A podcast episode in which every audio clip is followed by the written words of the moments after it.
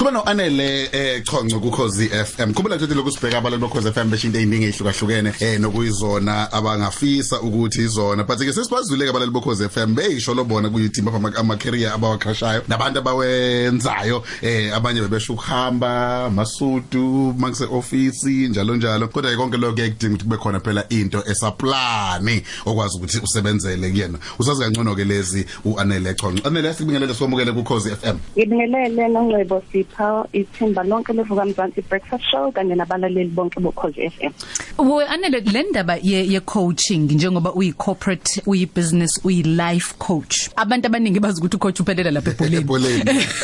sasa siba no coach manje kuyi corporate una kuyi business nasempilweni. Yini i life coaching? I life coaching uchwepheshe osebenzisana nabantu esikhathini esiningi ngokomqondo. Abasiza ukuthi bafinyelele la bafisa ukuba khona baphinde bafeze amaphupha abo. Kwesinye isikhathi uzofika kwi stage sempilo yakho la ungazazi khona ukuthi ufunani kodwa uyazi ukuthi lokho okwenzayo ngaleso sikhathi awusakufuni awusakuthandi. So mina njengo coach ngiyakwazi ukuthi eh ngikusize uthole ulwazi uphume lapho kuleso simo uthole okunye mhlawumbe okuthandayo noma okufisayo.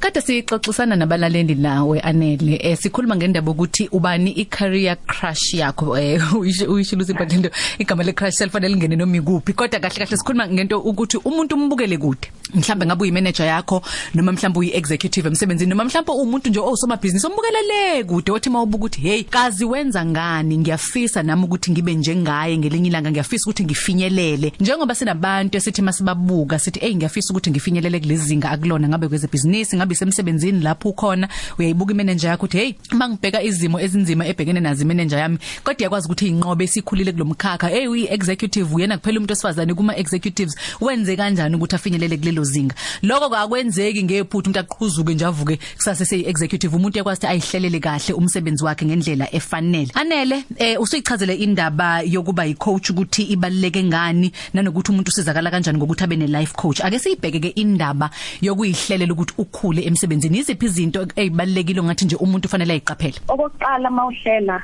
nongceba mhlamba ke ngidlulela ukuthi abantu abaphumelelayo esikhathini esiningi bayayihlelela akwenzeki ngephutha njengoba kadusho so into yokuqala fanele ucwanenge kabanzi ngomkhakha walo msebenzi lo ophupha ngawo nalomsebenzi lo ofunwa ofisa ukufika kuwona. Kuzokuthatha isikhathi esingakanani mhlambe ukufika kuleyo post yokumanage iluphi ulwazi mhlambe udinga mhlambe khona i-degree ufanele uyenze? Imapha amakhono nawo? Ikuphi okunye mhlambe osakudinga ongenakho ngaleso sikhathi? Uma usuka lapho usuyazi ukuthi okay ukuze ngibe manager mhlambe izongithatha iminyaka eh ewu5 so kusukela manje ngo2019 to 2024 kumele ngibe no A no B no C usuwenzani ke manje emva kokuhlela suyibekela imigomo? Ake ngiqaphelisa abalaleli ukuthi uma umuntu kumele uzazi uma uzazi uzokwazi ukuthi uyibekele imigomo wena ozokwazi ukuthi uyilandele. Ngoba kwesinye isikhathi abantu bayibekela imigomo uthola ukuthi sekufika ko depression ngoba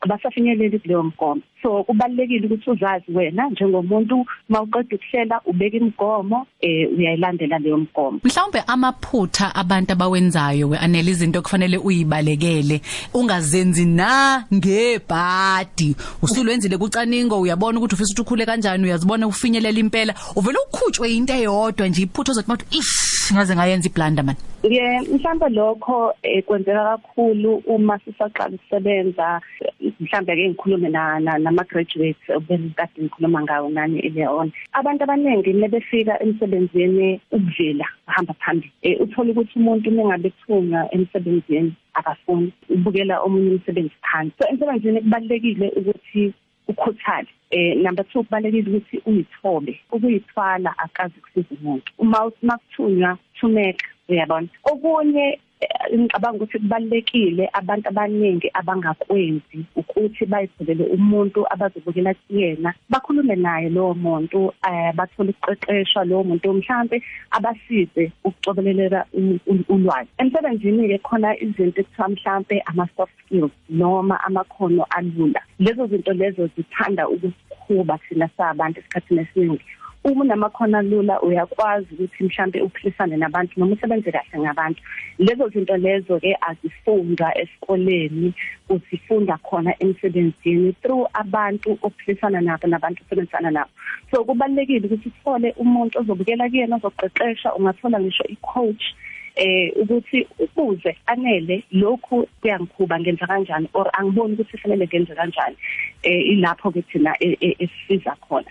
Okunye esikhathini esiningi esithanda ukuthi singakunaki indlela esixhumana ngayo xhumana ngayo nabantu whether kuma emails kuma cell phone ngisho nasey'nkundleni zokuxhumana. Lokho ke kuy'nkundleni zokuxhumana ngiyacabanga ukuthi isihloko sangelinye ilanga ngoba kukodwa nje sesibonile kuxoshisa abantu kuphophisa abantu eh kodwa still thina sabantu abasebenzayo noma abantu abasebancane even abantu abasebadala eh sikhuluma kunoma kanjani? Uthole nani na ku SMS umuntu akabhali imisho ephelele kodwa le i WhatsApp group yomsebenzi uposta noma yini eh ofuna ukuyiposta ngaleso sikhathi. Kodwa i WhatsApp group yomsebenzi mawuku Twitter eh kukhona wonke umuntu lapho wena usukhuluma isinoma kanjani. So ngiyacabanga ukuthi lezi zinto lezo esikhathini esiningi esingayiqapheli esisikhubayo Sikhathi 17 minutes to 9 uh, ane lesibonga kakhulu ukuthi ube nathi kuona umsakazo ukhozi ngempela lezi zinto zikhuluma into ezibalekile bona le oyithintayo ye social media ibaleke ngendlela esimanga ngoba umuntu